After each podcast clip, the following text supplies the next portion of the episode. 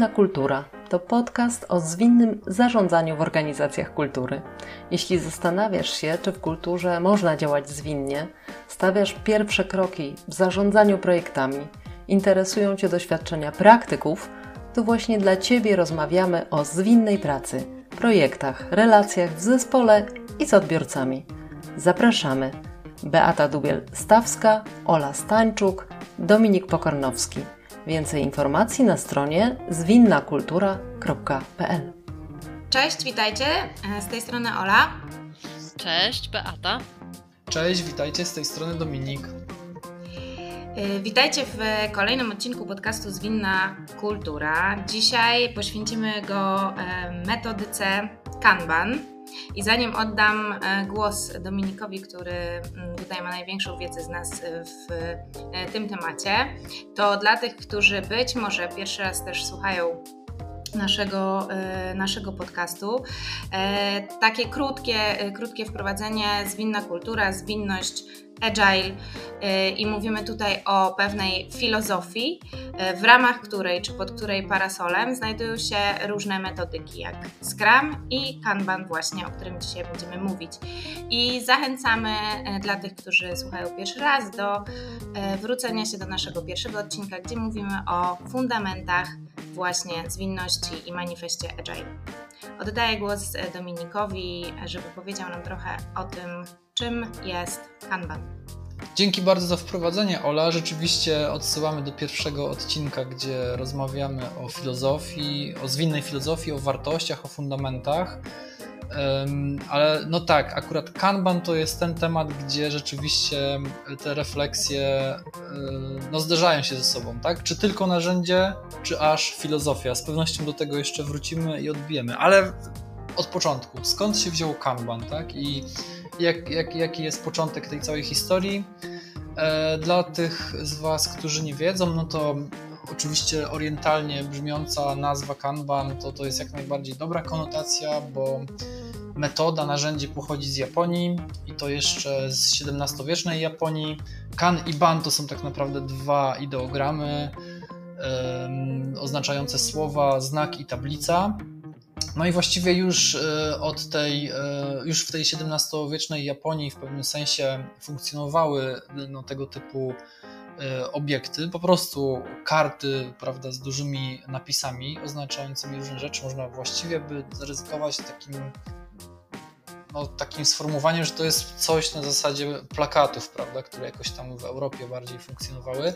Ale idziemy dalej, mamy, y, mamy okres powojenny po II wojnie światowej, Japonia buduje się na nowo, następuje szybka industrializacja, jesteśmy w, w zakładach Toyoty, gdzie Taichi Ono jeden z takich głównych inżynierów, menadżerów, no, proponuje właśnie metodę, żeby w hali produkcyjnej na ścianach dużymi kartami oznaczać y, informacje, gdzie ile jest y, produktów, jakby gdzie ile jest surowców, gdzie na jakim etapie tej, tej wiecie, linii montażowej są, są różne części.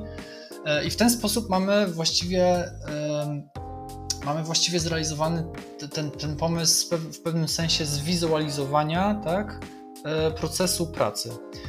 Później menadżerowie europejscy, niemieccy i amerykańscy podpatrują metodę i, jak to się mówi korporacyjnie, implementują to w swoich realiach. I tak naprawdę, jak pamiętamy, że 2001 rok to jest manifest Agile, to już 3 lata później w Microsoftie Corbis właściwie no, no wprowadza to jako takie narzędzie właśnie do zarządzania e, zadaniami.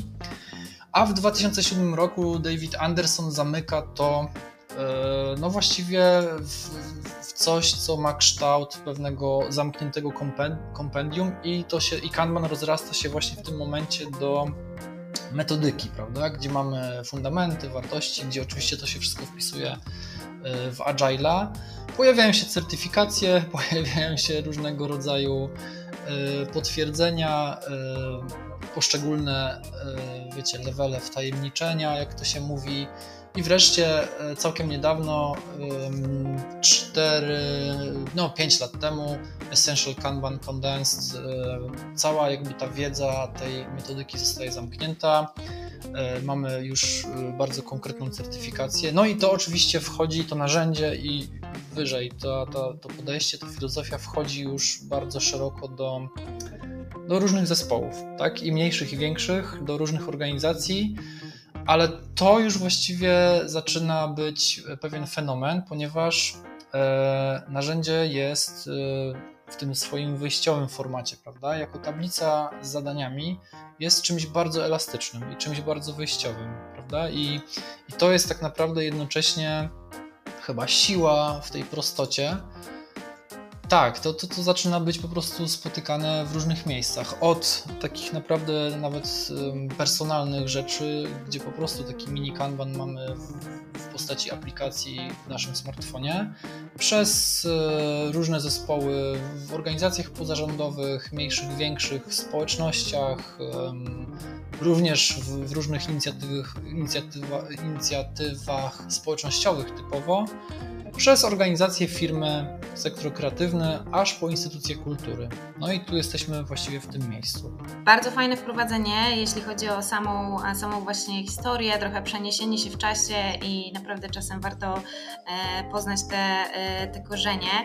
E, ja jeszcze jak tak myślałam sobie o samym Kanbanie i właśnie o tym, że on jest już tak naprawdę tak długą drugą tradycją, można powiedzieć, y, to, y, to jeszcze jakbyś Dominik, czy, czy Dominik, czy też, czy też Beata, y, jak myślicie o kampanie i o wartościach, jakie są z nim związane, to, to, to, to o czym byście myśleli? Ale może jeszcze... Może, może jeszcze zanim wartości, to proponowałbym jednak dla, dla tych z naszych słuchaczy i słuchaczek, które może y, no, naprawdę są na samym początku, prawda, i nie wiedzą, no krótka informacja, tak naprawdę wiecie, co jest tą kwintesencją. Kwintesencja to jest przecież po prostu tablica, na której wyobrażamy sobie najprostszy podział na trzy części, na trzy kolumny, tak jest najwygodniej. I te kolumny tytułujemy w bardzo prosty sposób. Rzeczy do zrobienia, rzeczy w trakcie realizacji robione i rzeczy zrobione. I później, jak się pojawiają poszczególne karty, to są tak naprawdę zadania, które przesuwamy razem z zespołem. Na jakich zasadach to już jest wszystko później, ale po prostu przesuwamy to w trakcie tego, jak sobie pracujemy. I właściwie to, to jest absolutny, absolutna podstawa. Nie można powiedzieć też, że to jest tylko tyle i aż tyle. I właściwie teraz, jak odniesiemy się do wartości, to no właśnie, Bata, dla Ciebie tablica Kanban przede wszystkim jaką zwinną wartość odzwierciedla? Dla mnie może najbardziej y, to, co dla mnie najistotniejsze, to nawet nie odniosłabym bezpośrednio do wartości bo tu możemy mówić zbyt ogólnie. Oczywiście klient ponad wszystko, otwartość, szybkie reagowanie i tak dalej. Natomiast jeżeli spojrzymy na, mm, jak to się fachowo nazywa, pryncypia agile'owe, to tu możemy bardzo praktyczne rzeczy odnaleźć i na, na, na potwierdzenie tego, że Kanban jest naprawdę y, bardzo dobrym narzędziem. I mam tu na myśli y, dwa, y, dwa takie pryncypia. Nie wiem, czy pryncypia są rodzaju żeńskiego czy męskiego. Załóżmy, że żeńskiego. Nawiązując do wartości, do pryncypiów, to moim zdaniem są dwa pryncypia, które mm, są istotne w tym, w tym podejściu właśnie do stosowania kanbana. Y, I te dwa dla mnie to jest y, mm, prostota, która jest takim ważnym y, aspektem, ważnym założeniem tego, jak w e, Agile'u pracujemy, jak w podejściu zwinnym pracujemy. E, I po drugie, mówiąc ogólnie, zespół, czy w, doprecyzowując, budowanie zmotywowanego zespołu, takiego zespołu, który pracuje, koncentruje się wokół zmotywowanych ludzi, wokół ludzi, którzy są jakby liderami danego zespołu, liderami e, w dowożeniu e, kawałka pracy. No jak spojrzymy na te dwa pryncypia, czyli prostota i zespół, no to e, Kanban jest genialnym narzędziem, żeby te dwa pryncypia po prostu w bardzo praktyczny sposób w organizacji, w zespole, w projekcie wdrożyć. Bo co jest siłą Kanbana? Powiedziałeś, Dominik, że to jest tablica i ciężko nam pokazać w podcaście, jak to wygląda, ale jak zamkniecie oczy, to możecie sobie wyobrazić ścianę w waszym biurze, w waszym pokoju, w waszej siedzibie na której właśnie wiszą kolorowe karteczki podzielone na te trzy bloki, o których mówił Dominik, czyli do zrobienia w trakcie i zrobione. Albo możecie sobie wyobrazić ekran swojego komputera y, czy iPada, na którym y, w podobny sposób albo za pomocą bardzo prostej aplikacji, albo bardziej skomplikowanej aplikacji również obserwujecie postęp prac, co powoduje ta wizualizacja tego, co się dzieje w projekcie, powoduje, że ludzie po prostu zatrzymują się w sposób uporządkowany w czasie stand-upów albo nieuporządkowany. Zatrzymują się przed tą tablicą i mówią: Hmm, dobrze nam idzie. Dużo rzeczy się dzieje i dużo rzeczy już zrobiliśmy. Y, chyba chyba wyrobimy się na czas. I ta naprawdę ta wizualizacja i ta okazja zobaczenia, jak ja to mówię, z lotu ptaka, tego, gdzie jesteśmy w projekcie, jest absolutnie bezcenna dla motywacji zespołu. Y, a prostota Sami doskonale wiecie, że stosowanie bardzo skomplikowanych aplikacji, które pozwalają monitorować, planować i monitorować projekt, fajnie, to jest fantastycznie dla ludzi zaawansowanych jak najbardziej polecane, ale od czegoś musimy zacząć. I większość z nas, i większość naszych słuchaczek i słuchaczy zaczyna. E, I jeżeli chce zacząć, to nie możemy im zaproponować, żeby włączyli sobie Jirę i zaczęli ją testować, czyli software do zarządzania projektami, tylko możemy ich namówić, kupcie bloczek żółtych karteczek i zacznijcie robić Kanban. Czyli jeszcze raz powtórzę, prostota e, i zmotywowany zespół. No, absolutna, absolutna zgoda. I tutaj właściwie ja bym dodał tak, że w pewnym sensie ten, ten aspekt y, wizualizacji pracy, on właśnie idealnie no, wpisuje się w te wartości właśnie prostoty minimalizmu, a jednocześnie no, zaangażowanego zespołu.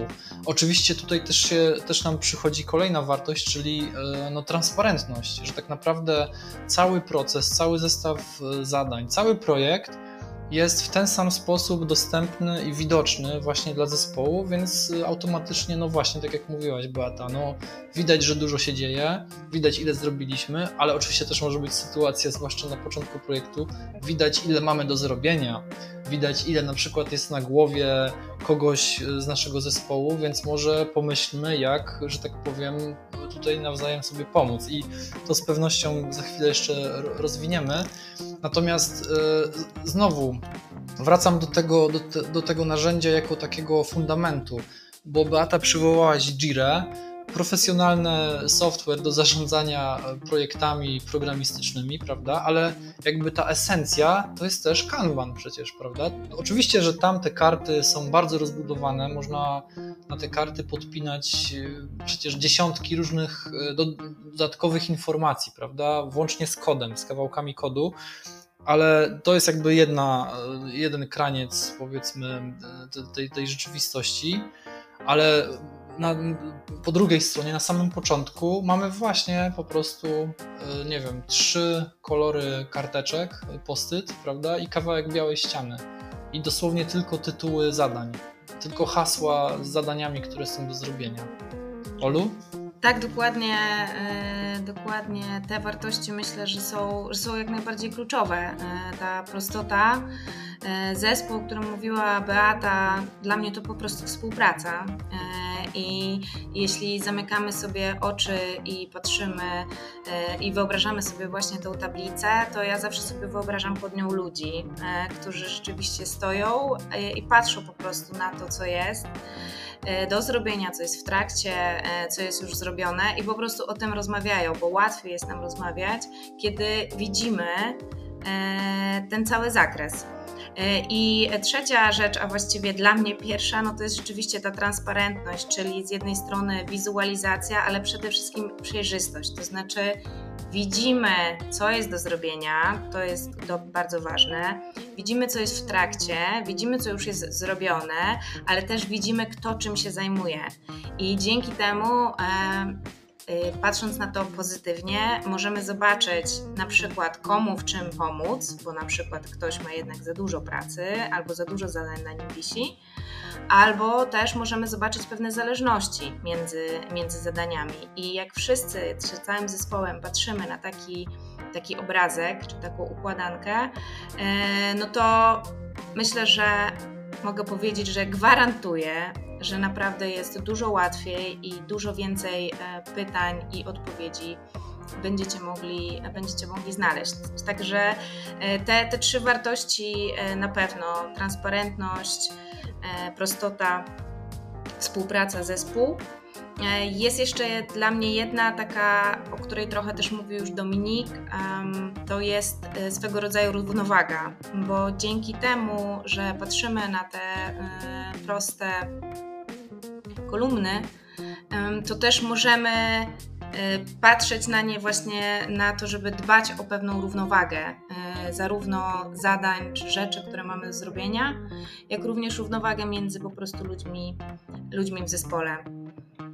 I myślę, że to jeśli chodzi o właśnie całą samą metodę, to tak tytułem y, dłuższego wstępu e, byśmy przeszli do po prostu jakichś przykładów konkretnych projektów, które nam, w których możemy po prostu ten Kanban e, wykorzystywać. No właśnie, bo to, to jest też e, przecież doskonale wiecie o tym, drogie koleżanki, że to jest też siła tego prostego narzędzia, I tutaj mam nadzieję, że zaraz przywołamy jakieś konkretne zastosowania, ale właśnie, no nie tylko projekty. Tak naprawdę Kanban fantastycznie też wspomaga, no takie jak to się mówi, ogarnianie i zarządzanie no, zestawami zadań, które są typowo procesowe, są powtarzalne, prawda? Weźmy na przykład, nie wiem, zapisy na jakieś zajęcia y, plastyczne albo, albo jakieś inne aktywności, które w instytucji kultury są cyklicznie organizowane, nie? I sposób jakby przeprocesowania tego, dzisiaj wiemy, że to się wiąże z różnymi e, no z różnymi formalnościami, tak? Zgoda RODO, prawda? Zgoda na fotografowanie, e, samo potwierdzenie, e, prawda, tych zajęć, być może jakaś płatność. To są typowe, typowe takie kroki w jakimś procesie i je można bardzo wygodnie realizować na kanbanie. Okej, okay, właśnie, ale to może fajne, fajne i ciekawe pytanie, zanim przejdziemy do praktycznych i konkretnych y, przykładów zastosowania Kanbana. Wasz pierwszy kontakt z Kanbanem, pamiętacie? Pierwszy, no, pierwszy kontakt, y, pierwsze zetknięcie się z tą metodą? Beata? To jest dobre pytanie, bo wydaje mi się, że hmm, gdybym miała powiedzieć, kiedy pierwszy raz świadomie użyłam Kanbana, to pewnie byłoby zupełnie niedawno. Ale wtedy, kiedy zrozumiałam, e, nauczyłam się, zrozumiałam i zaczęłam stosować świadomie tę, e, te, to, to, narzędzie, to, to zrozumiałam, że od wielu lat tak naprawdę pracuję w ten sposób z różnymi zespołami, tylko nie wiedziałam, że to się tak nazywa.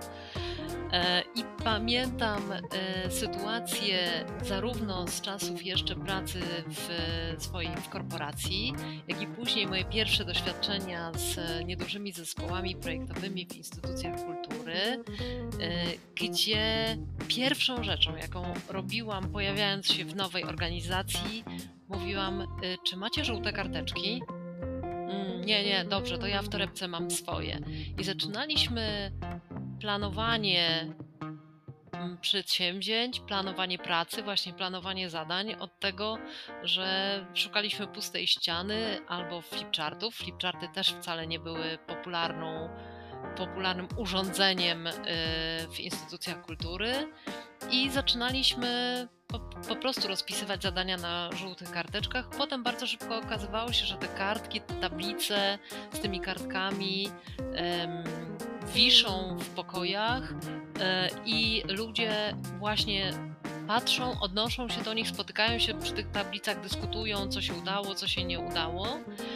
I taki pierwszy przykład, kiedy świadomie ktoś yy, podzielił te kartki na kolumny, przypomina mi się jak w jednej dużej instytucji kultury. Wszyscy znamy ten moment yy, zakończenia roku finansowego kiedy jest y, ogólna panika, żeby upewnić się, czy budżety zostały odpowiednio skonsumowane, wszystkie projekty rozliczone, faktury trafiły w oryginałach do księgowości, wszystkie przelewy zrobione. I pamiętam właśnie taki obrazek, jak w jednym z pomieszczeń dużego zespołu wisi taki bardzo duży flipchart sklejony z czterech kartek, podzielony na kilka kolumn. Y, kolumny odzwierciedlały proces podejmowania, proces obiegu dokumentów y, finansowo-księgowych. Od momentu zamówienia, zamówień publicznych po, po przelew.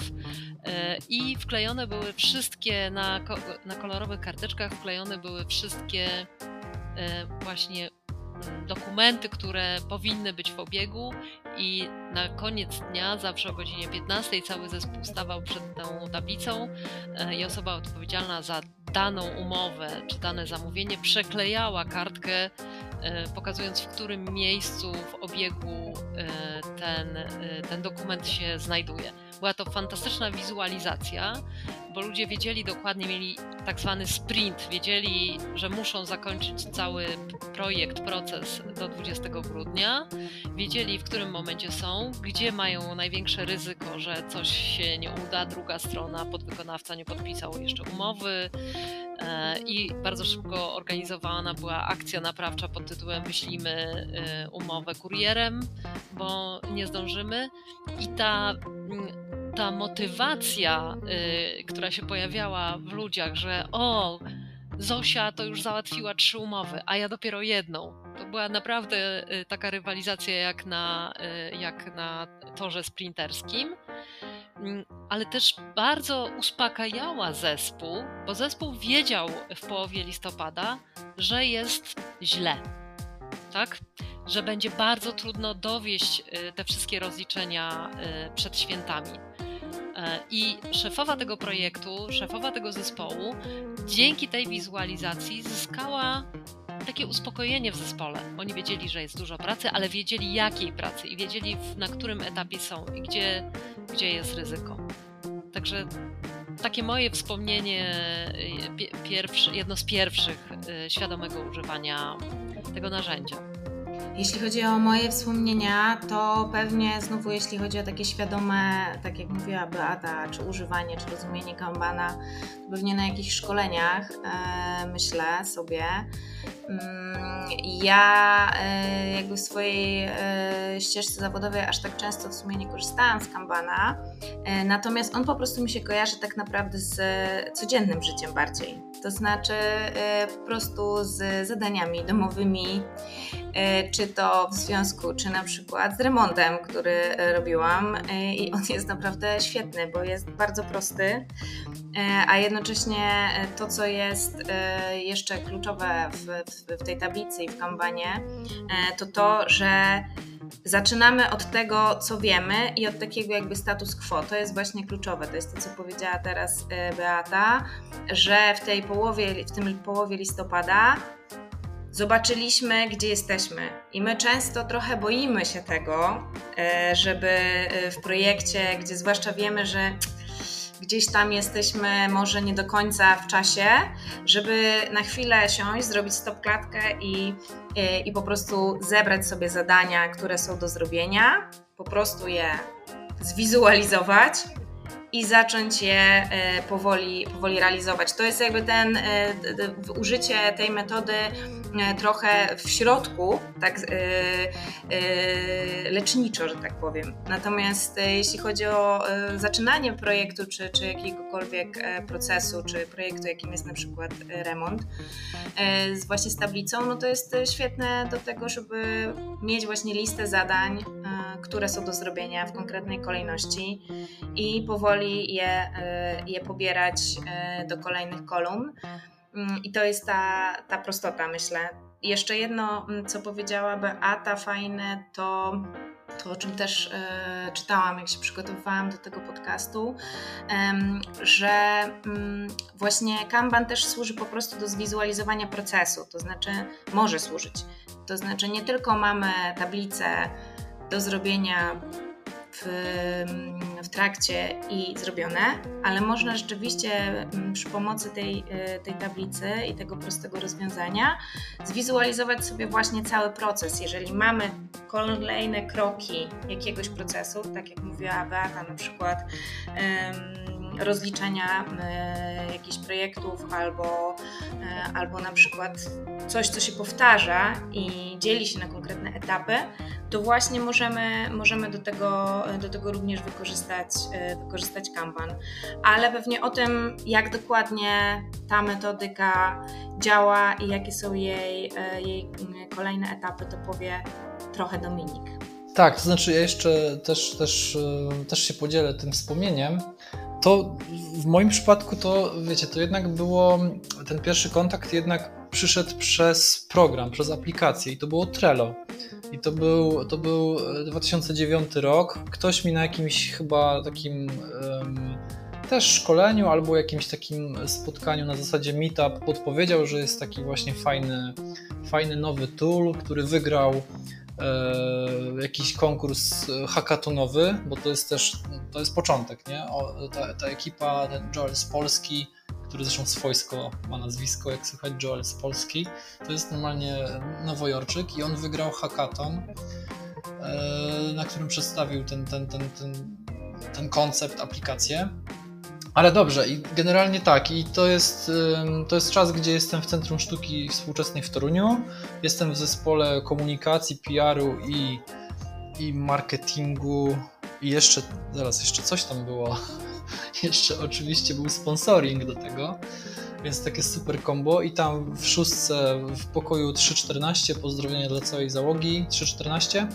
E, no nieśmiało zaproponowałem Trello i tam wiecie, tam w domyślny sposób, chyba nawet do dzisiaj tak jest, nowa tablica, którą się otwiera, ma ten, ten, ten, ten, ten klasyczny podział, nie? Do zrobienia, robione, zrobione. No i w oczywisty sposób zaczęliśmy z tego korzystać, ale bardzo szybko okazało się, i to w odniesieniu do tego, co Ola mówiła, że ta kolumna w trakcie realizacji, in progress, no jest trochę jakby taka niewystarczająca, bo nie mówi nam, co się dzieje że na przykład coś jest zablokowane nie u nas, tylko u dyrektora, że coś jest zablokowane, wiecie, w księgowości. Albo się okazało, że kolumna, i to jest też właściwie klasyk ze szkoleń, prawda, gdzie, gdzie mam okazję opowiadać o kanbanie i, i trochę wdrażać. No, absolutnie kluczowe pytanie. Y, zresztą za chwilę też chcę je wam, wam zadać. Co to znaczy na tablicy Kanban, że zadanie jest zrobione? Oczywiście wiemy, że te to, że jest zrobione, yy, oznacza co innego dla różnych osób. Co innego będzie dla, dla, no dla kogoś, kto powiedzmy zajmuje się tym zadaniem, co innego będzie dla głównego księgowego i oczywiście dla dyrekcji, szefostwa. Więc to jest ten początek, to jest Trello. I tutaj jest śmieszna historia, że my tak naprawdę, Beata, y, z Trello wyszliśmy do wersji analogowej i pamiętam, że w naszym przypadku to były drzwi, takie drzwi, które zawsze były zamknięte, bo pokój był na przestrzał. I na tych drzwiach pojawił się kanban z karteczkami, a jak żeby inaczej. No ale dobrze, właśnie, to wróćmy do tych, do tych zastosowań, bo tak, mamy, z jednej strony mamy remont, no typowy projekt inwestycyjny, tak, można by powiedzieć nawet waterfallowy, Mamy oczywiście też proces, o którym Beata opowiadała, prawda? Przetwarzanie pewnych umów i, i to, to myślę, że pokazuje. W oczywisty sposób ja mogę dorzucić, że idealnie, idealnym projektem, który można fajnie na kanbanie prowadzić jest budowanie strony internetowej albo przebudowywanie, e, zmienianie, prawda, aktualizowanie tej aktualnej, tej, którą mamy. Mało tego, to prowadzenie tej strony dodawanie wpisów, tworzenie treści, to, to jest też typowy proces kanbanowy, który można sobie fajnie na prostej tablicy rozpisać. Jakie są jeszcze Wasze doświadczenia? No ja mogę powiedzieć jeszcze taki jeden przykład, e, też e, procesowy bardziej, może nie stricte z z sektora kultury, ale myślę, że um, ważny w każdej organizacji, instytucji, czyli rekrutacja. To jest też taki proces, który stosunkowo prosto można rozpisać na konkretne i powtarzające się etapy, tak? Czyli mamy zbieranie CV, mamy rozmowy telefoniczne, z kandydatami, mamy zapraszanie kandydatów na rozmowę, mamy rozmowę i, e, i de facto jakiś efekt końcowy, tak, czyli przyjęcie danego delikwenta czy delikwentki. A nawet, a nawet tylko, przepraszam, że wtrącę, a nawet jeszcze powiedzmy dwa kolejne etapy, czyli jak już jest, że tak powiem, wdrażany ten człowiek. Onboarding. I, i tak, i te pierwsze... Onboarding myślę, że można rozpisać na oddzielnej tablicy.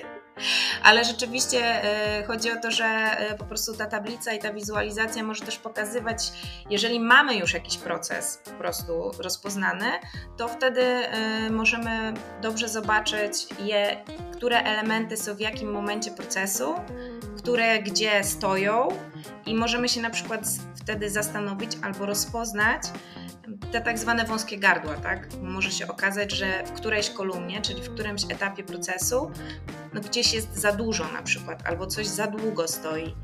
I, I, to jest coś, o czym pewnie też jeszcze chwilę, y, chwilę porozmawiamy a propos tego pytania, które Dominik ty zadawałeś, czyli co to znaczy, że coś jest zrobione i, i trochę o zasadach, ale pewnie zanim o tym, to może jeszcze Beata, twoje jakieś doświadczenie czy przykład. To ja dla równowagi za chwilę opowiem o bardziej typowym e, przykładzie zastosowania e, tego narzędzia mm, właśnie przy stricte projektowym e, przedsięwzięciu. Projektowe, przypomnijmy, najważniejsze cechy projektu to jest to, że to jest przedsięwzięcie nowe, nowe dla danego zespołu czyli ma sporo elementów takich niedookreślonych. Nie do końca wiemy, co się wydarzy w naszej podróży w nieznane. E, że jest dosyć skomplikowany. Ważne, żeby ludzie odróżniali zadanie czy konieczność podjęcia decyzji od projektu. Decyzję podejmuje się po prostu bez prowadzenia projektu. Powinno się podejmować decyzję, nie wolno od niej uciekać. No i drugie i trzecie, trzecie kryterium to jest, że jest określony cel, i określony czas realizacji. Oczywiście tam możemy dyskutować o elastyczności wymiarów, zakres się może trochę zmieniać, może się zmieniać czas. W podejściu zwinnym ważna jest wartość, na którą się umawiamy z zespołem, czy z klientem, z odbiorcą, z zespołem, którym pracujemy, jaką wartość chcemy e, dostarczyć. I teraz e, to jest bardzo ciekawa rozmowa, którą teraz prowadzimy o procesach versus projekty. Ja się bardzo cieszę, że my tych obydwu pojęć y, używamy i bardzo zachęcam y, naszych szanownych słuchaczy i nasze szanowne słuchaczki, żeby spojrzeli na swoją organizację również przez pryzmat właśnie tych dwóch y, typów życia organizacji, organizacji pracy, czyli procesów czegoś, co jest skomplikowane, ale powtarzalne, co się da wystandaryzować i projektów, czyli przedsięwzięć nowych. I Ola bardzo słusznie powiedziała, że to jest bardzo um, pożyteczne um, stosowanie kanbana do procesów, czyli tych rzeczy skomplikowanych, powtarzalnych, zwłaszcza wtedy, kiedy te procesy przebiegają pomiędzy różnymi zespołami, bo każda z naszych organizacji, czy większość z organizacji walczy z silosowością. Walczy z tym, że mój zespół odpowiada za ten kawałek pracy, zrobiłem swoje i zapomniałem o sprawie. Tymczasem na końcu jest widz, uczestnik, jest publiczność i oni oczekują efektu, oczekują dostarczenia wartości, a nie pytają, który zespół za to y, odpowiada.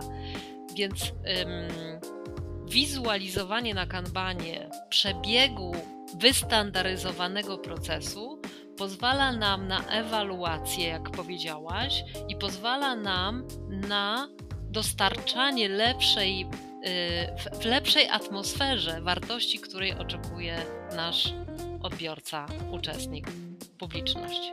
A wracając do najbardziej typowego y, zastosowania Kanbana, czyli w przypadku projektów, to ja chciałam y, powiedzieć o takim przykładzie. Teraz y, mam okazję uczestniczyć, współpracować z jednym z nowo, z jedną z nowo powstających fundacji. Tworzą ją ludzie z dużym doświadczeniem. Tworzyli wcześniej przedsięwzięcia na skalę międzynarodową. Mm, I to jest bardzo ciekawy przypadek, ponieważ mamy tutaj mam, mam do czynienia z taką sytuacją, w której zanim zaczęliśmy pracować na tablicy Kanban, musieliśmy poświęcić e, w kilkuosobowym zespole naprawdę dużo czasu, żeby porozmawiać o tym, jaki jest cel, jakie są obszary działania, e, które trzeba zacząć realizować, żeby w ogóle fundacja rozpoczęła działalność od strony formalnej, ale żeby też wystartowała bardzo szybko z realizacją swojego, swojej kampanii, swojego programu, który to program będzie programem powtarzalnym, e, takim, który będzie cyklicznie realizowany raz do roku. W tej pierwszej iteracji w tym pierwszym roku będziemy go robić po raz pierwszy i tak naprawdę cały zespół testuje, uczy się, jak, ten, e, jak tę kampanię robić. Więc mamy tak naprawdę dwa projekty w jednym, czyli z jednej strony projekt otwierania od strony formalnej, organizacyjnej, ludzkiej nowej fundacji i jednocześnie toczący się już projekt rozwoju nowej kampanii, nowego programu, który ta y, ta fundacja będzie realizować. I teraz jestem też bardzo ciekawa Waszych doświadczeń. Jak i na co zwracacie uwagę w tym, na tym etapie planowania?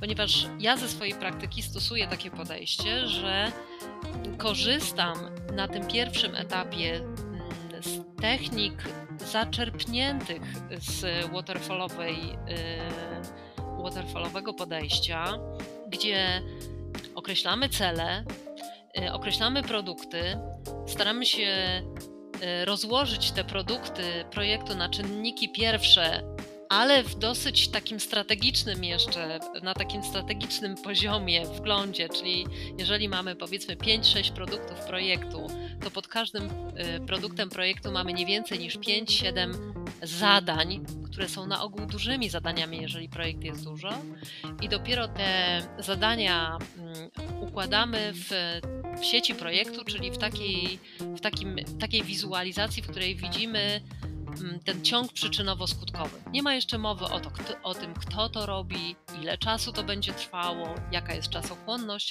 ale zyskujemy taką prostą, prosty, czytelny, strategiczny wgląd w to, co nas czeka.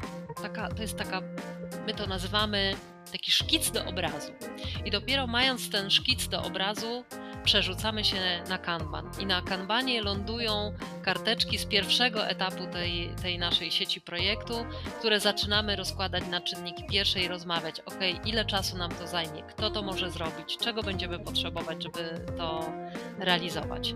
E, I tego typu podejście bardzo mi się sprawdza e, i chciałam powiedzieć o takim e, bardzo ludzkim wymiarze tego podejścia, kiedy fundacja, zespół fundacji zakończył ten etap planowania, ludzie wrócili do swoich normalnych warunków pracy, niewielkiego pokoju biurowego i spotkaliśmy się na pierwszym tak zwanym stand-upie. Ja się tam pojawiłam jako konsultant po trzech tygodniach e, i byłam zaskoczona, ponieważ e, na początku stand-upu usłyszałam od projekt managera Beata, przepraszam cię, ale wiesz co, my jednak będziemy to robić na siedząco, bo my nie rozumiemy, dlaczego to ma być na stojąco.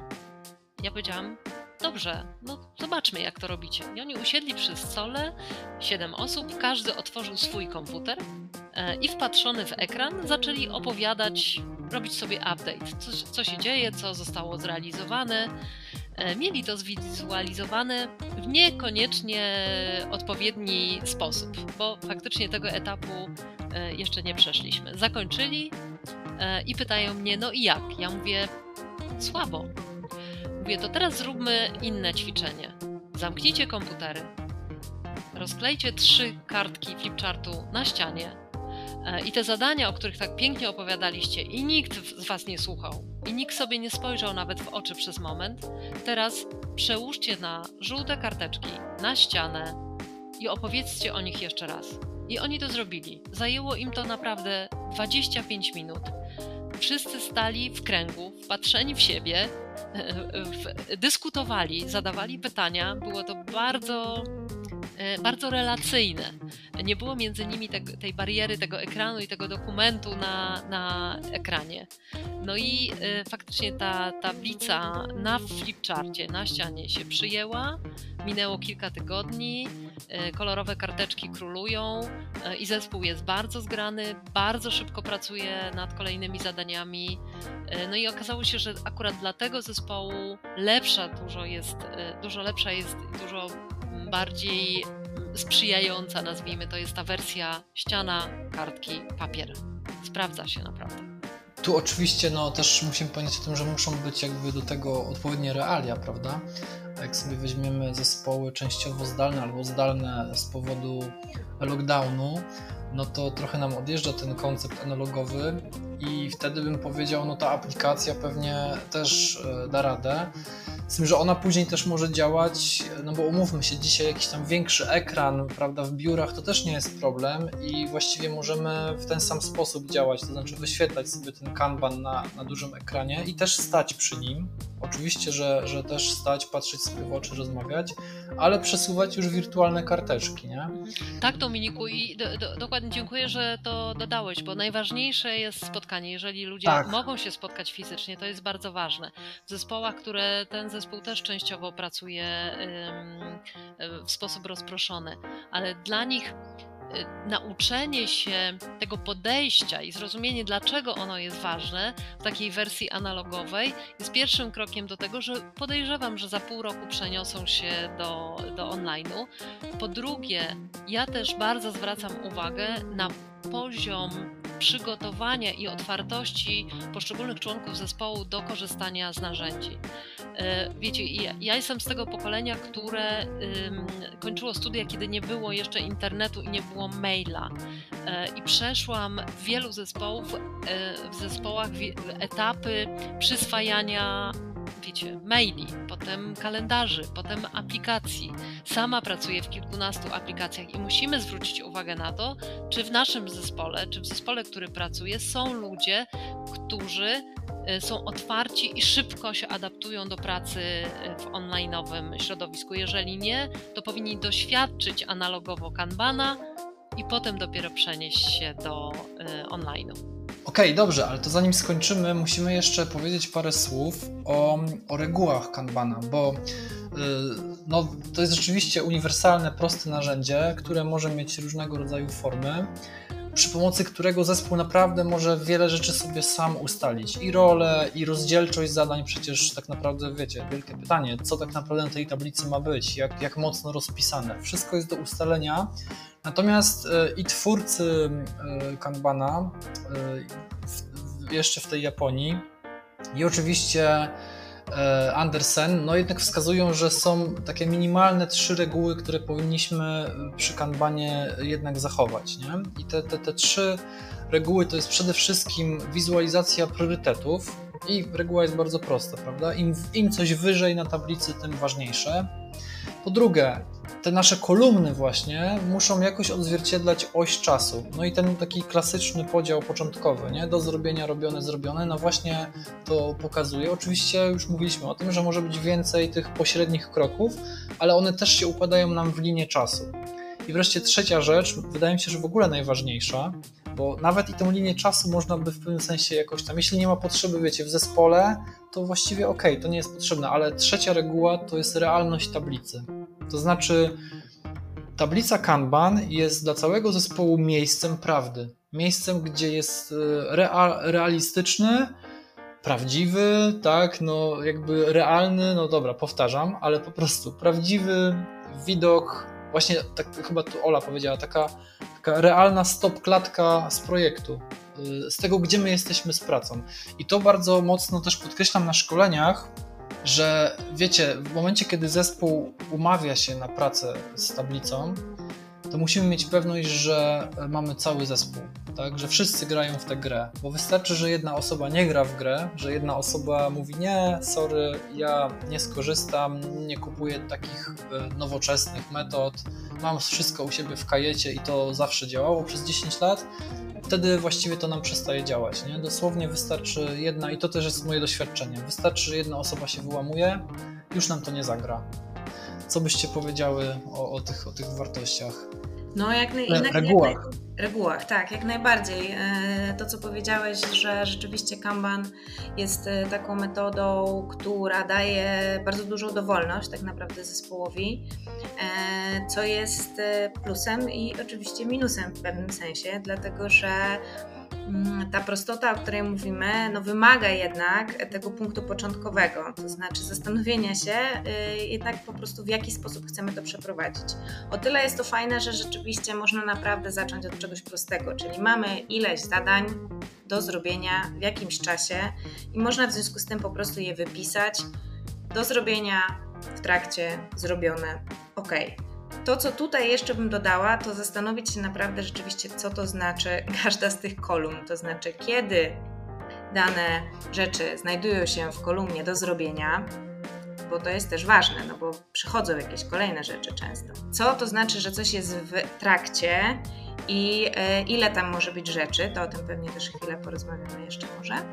E, bo warto też się nad tym zastanowić, e, ile rzeczy może być w samej kolumnie albo na konkretnych osobach, bo to też można, e, można tak interpretować. No i kluczowe to pytanie, które już zadał Dominik, to znaczy musimy wszyscy w zespole rozumieć, co to znaczy, że dane zadanie jest zrobione i kiedy i kto trochę o tym decyduje. Ja ze swoich doświadczeń E, rekomenduję, czy, czy, czy ja przynajmniej mam takie doświadczenie, że fajnie jest to robić wspólnie. To znaczy, dobrze jest e, wspólnie akurat do tej kolumny ostatecznej, ostatecznej końcowej, czyli że coś jest zrobione, wspólnie to przeklejać czy przesuwać w to miejsce, żeby wszyscy mieli świadomość, ok, zgadzamy się, rzeczywiście to zadanie jest zrobione, trochę o nim w jakimś sensie zapominamy.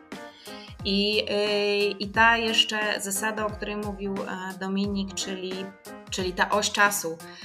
Według mnie ona jest bardzo kluczowa o tyle, że mówimy o pewnym procesie. Czy to jest projekt, czy taki jakby proces, proces, to chodzi o pewną jednak jego e, linearność, że przechodzimy z prawego z lewego do prawego, tak? Czyli z lewej strony na prawą, że jest jakiś proces. I to, co e, w e, kampanii mi się bardzo podoba, czy w, w założeniach, to to, że mówimy tutaj o zarządzaniu procesem, a nie ludźmi. I to jest w ogóle mi przynajmniej tak bardzo otwiera, e, otwiera głowę, że właśnie chodzi o to, żeby tutaj doskonalić, zastanawiać się i patrzeć na proces, obserwować, jak dane zadania, czy, czy dane, e, dane właśnie procesy przebiegają, a nie akurat y, jak działają ludzie. Oczywiście warto to też obserwować, ale chodzi mi o to, że sama ta metoda do tego, do tego służy i mi to się akurat nie bardzo podoba. Dominik, podnosisz rękę wirtualnie. Tak, bo no, od razu chciałem odnieść się do tego, co mówisz to znaczy, jeśli właśnie proces i sposób, jak pracujemy y, z tablicą, ale tak naprawdę no, tablica to jest tylko właśnie taki artefakt, nie? ale to tak naprawdę chodzi o to, jak zespół pracuje, to od razu nam się pojawia chyba no znowu zależy, zależy z jakiej perspektywy, ale jest z pewnością taka perspektywa, która powie, że to jest najważniejszy aspekt Kanbana, tak? To znaczy limit y, pracy y, w trakcie. Bo dzięki tej metodzie, i tu na, naprawdę możemy myśleć bardzo, bardzo mocno o zespołach po prostu w instytucjach kultury. To, to nie jest jakby wyłączone tylko dla programistów gdzieś tam hardkorowo e, w korporacji, prawda, którzy, którzy kodują. Możemy na to naprawdę spojrzeć bardzo e, tak holistycznie, e, w bardzo szerokim i multidyscyplinarnym zespole. Takie zespoły w instytucjach kultury, jak wiemy, działają. I teraz z pewnością jest tak, że nie wszystkie zadania są, są w trakcie, tak? Że, że jakby z drugiej strony mówiąc, e, nie ma czegoś takiego jak multitasking, prawda? Siłą rzeczy jest tak, że realnie pracujemy nad jakąś określoną ilością zadań i tak naprawdę być może gdzieś tam w szczegółach tych konkretnych zadań, e, nawet jeśli się wydaje, że wszystkie są w trakcie, to jak wejdziemy głębiej, to się okaże, że nie wiem, że większość z nich jest zablokowana, bo już dawno jest wypchnięta od nas, nie? Tak jak już mówiłem, bo leży umowa do podpisu w, w dyrekcji. Więc oczywiście, że to jest w trakcie, to nie jest zamknięte, ale w pewnym sensie to już nie jest nasze zadanie. Więc ten nasz limit w ten sposób jest, jest, jest jakby większy, tak? Oczywiście, że możemy już podjąć kolejne zadanie. No i właśnie Kanban w ten niesamowity sposób to pokazuje. Pokazuje, gdzie są wywołane przez Ole wąskie gardła, kto jest za mocno obłożony zadaniami, więc hej, pomóżmy. E, a kto na przykład, że tak powiem, radzi sobie, nie wiem, z konkretnym zadaniem bardzo szybko i znowu też może już inaczej planować swoją pracę. To jest ten, ta, ta korzyść z Kanbana, prawda Beata? Tak, i ja chciałam na, na, na poparcie tego, co przed chwilą powiedzieliście, przywołać taką e, historię z życia wziętą z niedawnej pracy w zespole, kiedy nowy zespół zaczął pracować właśnie tą metodą i mieli problem z uchwyceniem tego, co ty, Dominiku, fajnie nazywasz rozdzielczością, czyli jak szczegółowo powinny być rozpisane zadania na tych symbolicznych, wirtualnych lub fizycznych żółtych karteczkach czy kolorowych karteczkach. I co się zdarzyło? Podczas drugiego czy trzeciego tygodnia pracy e, zespół stanął przed tablicą i ktoś mówi: Krysia, ty masz za mało tych swoich niebieskich karteczek. Przecież ty robiłaś dużo więcej. No i Krysia, wywołana do tablicy Kanban, powiedziała: Ojej, no dobrze, to ja od dzisiaj będę rozpisywać bardziej szczegółowo. I dokładnie to sam zespół sam wyregulował poziom szczegółowości, poziom rozdzielczości. Krystyna zaczęła bardziej szczegółowo rozpisywać, i niektórzy zaczęli rozpisywać mniej szczegółowo. I naprawdę po czterech tygodniach wyregulowali to sobie samodzielnie tak to działa. Po drugie, te takie naprawdę negocjacje, które odbywają się przy tablicy, czasem wywołują salwy śmiechu, bo a propos tego, czy zadanie jest wykonane, czy nie, zdarza mi się, że e, ludzie upierają się, żeby przekleić e, karteczkę. No, w aplikacji się tego nie da zrobić, ale ściana jest cierpliwa i zniesie wszystko, więc ludzie naklejają, upierają się, żeby przekleić karteczkę na linii pomiędzy w trakcie, a zrobione. I mówią, no to jest prawie zrobione, prawie. To na pewno znacie z praktyki. E, to, co ty, Dominiku, powiedziałeś, po polsku ja nazywam to wielozadaniowością, unikanie wielozadaniowości. Na to są dziesiątki domów naukowych napisane. Unikajcie wielozadaniowości, bo przeskakiwanie pomiędzy jedną robotą a drugą powoduje, że musimy poświęcić pół godziny czasu na powrót naszej głowy do tego, co robiliśmy przed chwilą. Nie polecamy i Kanban to bardzo wspiera. Jeżeli widać, że ktoś ma dużo kartek w trakcie, to znaczy, że coś tam się dzieje nie tak, jak słusznie Dominik zauważyłeś. Y, jeszcze jeden aspekt, bo mnie najbardziej chyba w Kanbanie kręci ten aspekt ludzki, ten aspekt, który podnosi zdecydowanie motywację. I tutaj dwa takie bardzo konkretne przykłady, które jak zaczniecie, drodzy słuchacze, słuchaczki, stosować, to zobaczycie w praktyce. Po pierwsze, to poczucie, że ja jestem właścicielem danego zadania. Ludzie o sobie mówią, no, mówią ja jestem właścicielem tej karteczki. Tak? I to daje niesamowitą, niesamowity efekt, który jest kluczem do zwinnego podejścia. Samoorganizacja, wysoki poziom odpowiedzialności za dowożenie wyniku pracy, wspólne, wspólna odpowiedzialność za to, za tą sztafetę, którą, którą jest tak naprawdę realizacja projektu. I ostatni element, ten wzmacniający motywację, to Olu, ty chyba powiedziałaś, że dobrze, nie wiem, czy, czy, czy, czy, ty, Dominiku, dobrze jest przeklejać tę kartkę yy, z zadaniem w obecności innych osób. Ola, właśnie, to, to ty powiedziałaś. Absolutnie drobna rzecz. Z punktu widzenia motywacji i efektu kluczowa, bo Y, to jest ten moment, y, ja staram się tak pracować z zespołami, żeby faktycznie to był ten moment, kiedy, nie wiem, męczący, ciemny poniedziałek spotykamy się przy tablicy i to jest moment celebracji, kiedy ludzie z radością przeklejają kartki ze środkowej kolumny do prawej. Nazywamy to celebracją, bo to jest ten moment, kiedy oddycham z ulgą i mówię: zrobione, idziemy do przodu.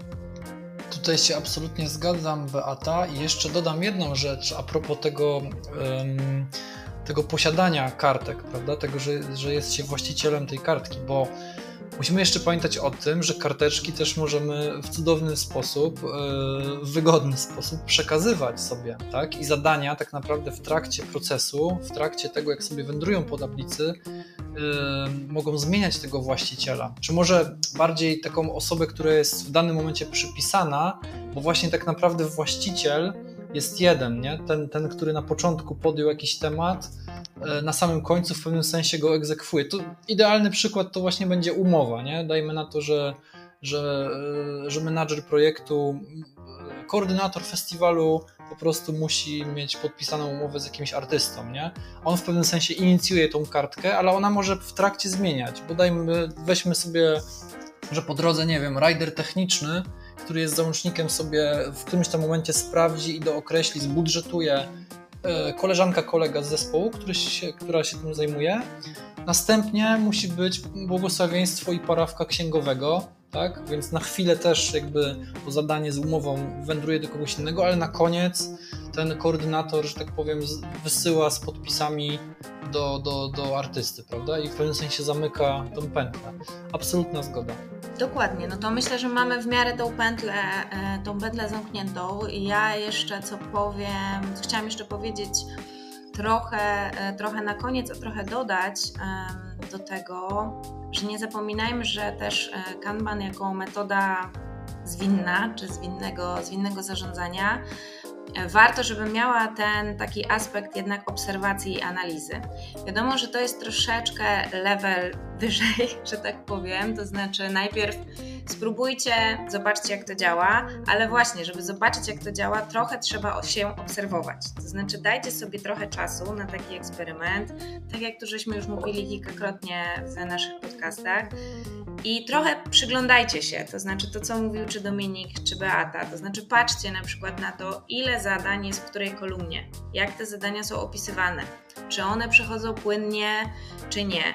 Warto, żeby może jedna osoba z zespołu, a może wspólnie, to już dowolnie, żeby się temu przyglądać, bo ogólnie ta metoda e, daje jeszcze właśnie taką super możliwość do e, tak zwanej predykcji, czyli do, e, do przewidywania, do, na podstawie historycznych różnych, mm, różnych danych. Oczywiście w związku z tym musicie już kilka projektów w taki sposób zrealizować, albo już długo pracować e, w takiej metodzie, ale jeżeli będziecie to dobrze obserwować, to pewne rzeczy mogą być powtarzalne i może nam, Wam na przykład wyjść, że umowa o dzieło jest realizowana mniej więcej w miesiąc na przykład. I będziecie mogli już to konkretnie um, powiedzieć komuś, e, kto na przykład będzie chciał ją mieć w tydzień. Wiem, że takie rzeczy są możliwe, ale mm, e, chodzi mi bardziej o taką też obserwację po prostu i zbieranie konkretnych danych e, i też całego procesu. To tak trochę jeszcze jako taki bonus mm, też który można, do którego można wykorzystać tą metodę. I już na prawie sam koniec, bo jeszcze praca domowa, e, to e, taka ostatnia praktyczna kwestia, czyli Dominik, może też Beata, jakie narzędzia po prostu polecacie, żeby zacząć z kanbanem? Oprócz oczywiście karteczek i tablicy, bo to jakby wiemy, że jest the best, ale jesteśmy też e, w takich warunkach, a nie innych i często musimy pracować online. No w sferze cyfrowej e, na pewno, na pewno musimy chyba wspólnym głosem tutaj powiedzieć, że najbardziej popularną platformą, ale jednocześnie e, naprawdę najmniej problemową. Próg wejścia do tego narzędzia jest bardzo, bardzo niski. Mówię to na podstawie naprawdę już kilkunastu takich wdrożeń, e, treningów w różnych zespołach, mniejszych i większych to jest właśnie te wspomniane już wcześniej Trello.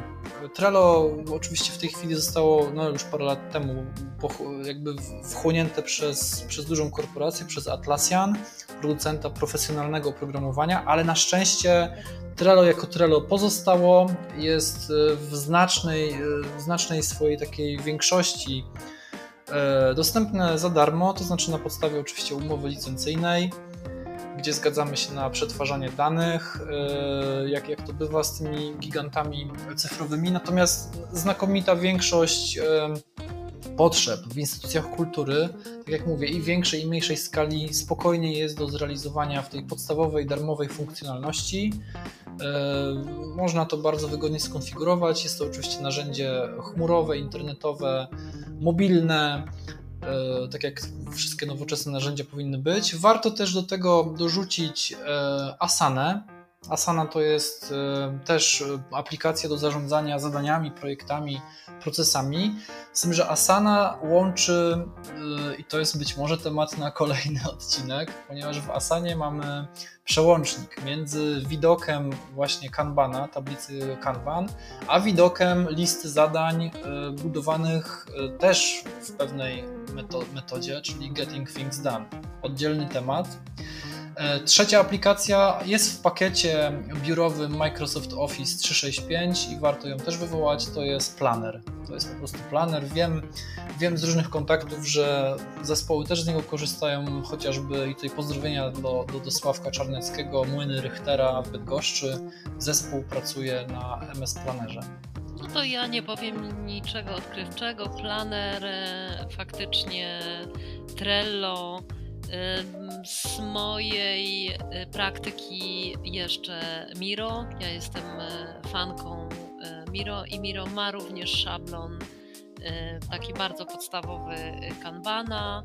Jest dla zespołów, które dopiero zaczynają, polecałabym Miro bo pozwala zarówno wizualizować w bardzo prosty, przystępny sposób sam proces planowania, jak i właśnie wizualizować kanbanowe podejście do realizacji, monitorowania poziomu realizacji y, zadań. Minusem jest to, że jeżeli chcemy tam mieć dodatkowe funkcjonalności typu przypisywanie zadań właścicielom, to już wymaga y, płatnych wersji dla poszczególnych członków zespołu. Ale polecamy, zacznijcie od drzwi albo ściany i kolorowych karteczek. No właśnie, może jako, jako praca domowa y, z tego odcinka. E, z tym, że co, tutaj byśmy sobie rozdzielili, tak? To znaczy mamy level basic i e, level powiedzmy medium. Dla tych z Was, um, którzy, którzy jeszcze no, nie znają tej metody, to oczywiście na naszej stronie w opisu tego odcinka znajdziecie parę pomocnych linków. Ale zadanie jest takie, no spróbujcie rozpisać na roboczo E, być może w Miro, a być może właśnie przy pomocy karteczek gdzieś na ścianie e, rozrysować, rozkleić jakiś projekt. Być może coś, co macie właśnie w realizacji i może trochę czujecie się zagubieni. E, a być może coś, co jest planowane i się będzie wydarzać wkrótce. No, spróbujcie właśnie tak rozłożyć na, na takiej prostej tablicy kanbanowej. Natomiast dla tych osób, które już e, korzystają z Kanbana, czy w postaci aplikacji, czy w postaci właśnie no, całkiem bogatych tablic gdzieś tam w przestrzeniach biurowych, e, to byśmy takie zadali zadanie, żeby przeanalizować e, te limity, prawda? I te, te ilości ilości zadań, które są w trakcie realizacji i spróbujcie sobie odpowiedzieć na pytanie, czy to jest realistyczne, tak? Czy tak naprawdę, jeśli się pochylić nad tymi zadaniami, to by się okazało, że nie do końca, nie? Że, że te zadania gdzieś tam głębiej są na nieco in, w nieco innych y, fazach niż y, po prostu w realizacji. Dziękujemy Wam bardzo dziś za wysłuchanie naszego odcinka o kanbanie. Zapraszamy serdecznie na naszą stronę zwinnakultura.pl Pozdrawiam, do usłyszenia Ola. Dziękuję bardzo za uwagę, pozdrawiam Was serdecznie, Beata. Dzięki, do usłyszenia, trzymajcie się, Dominik.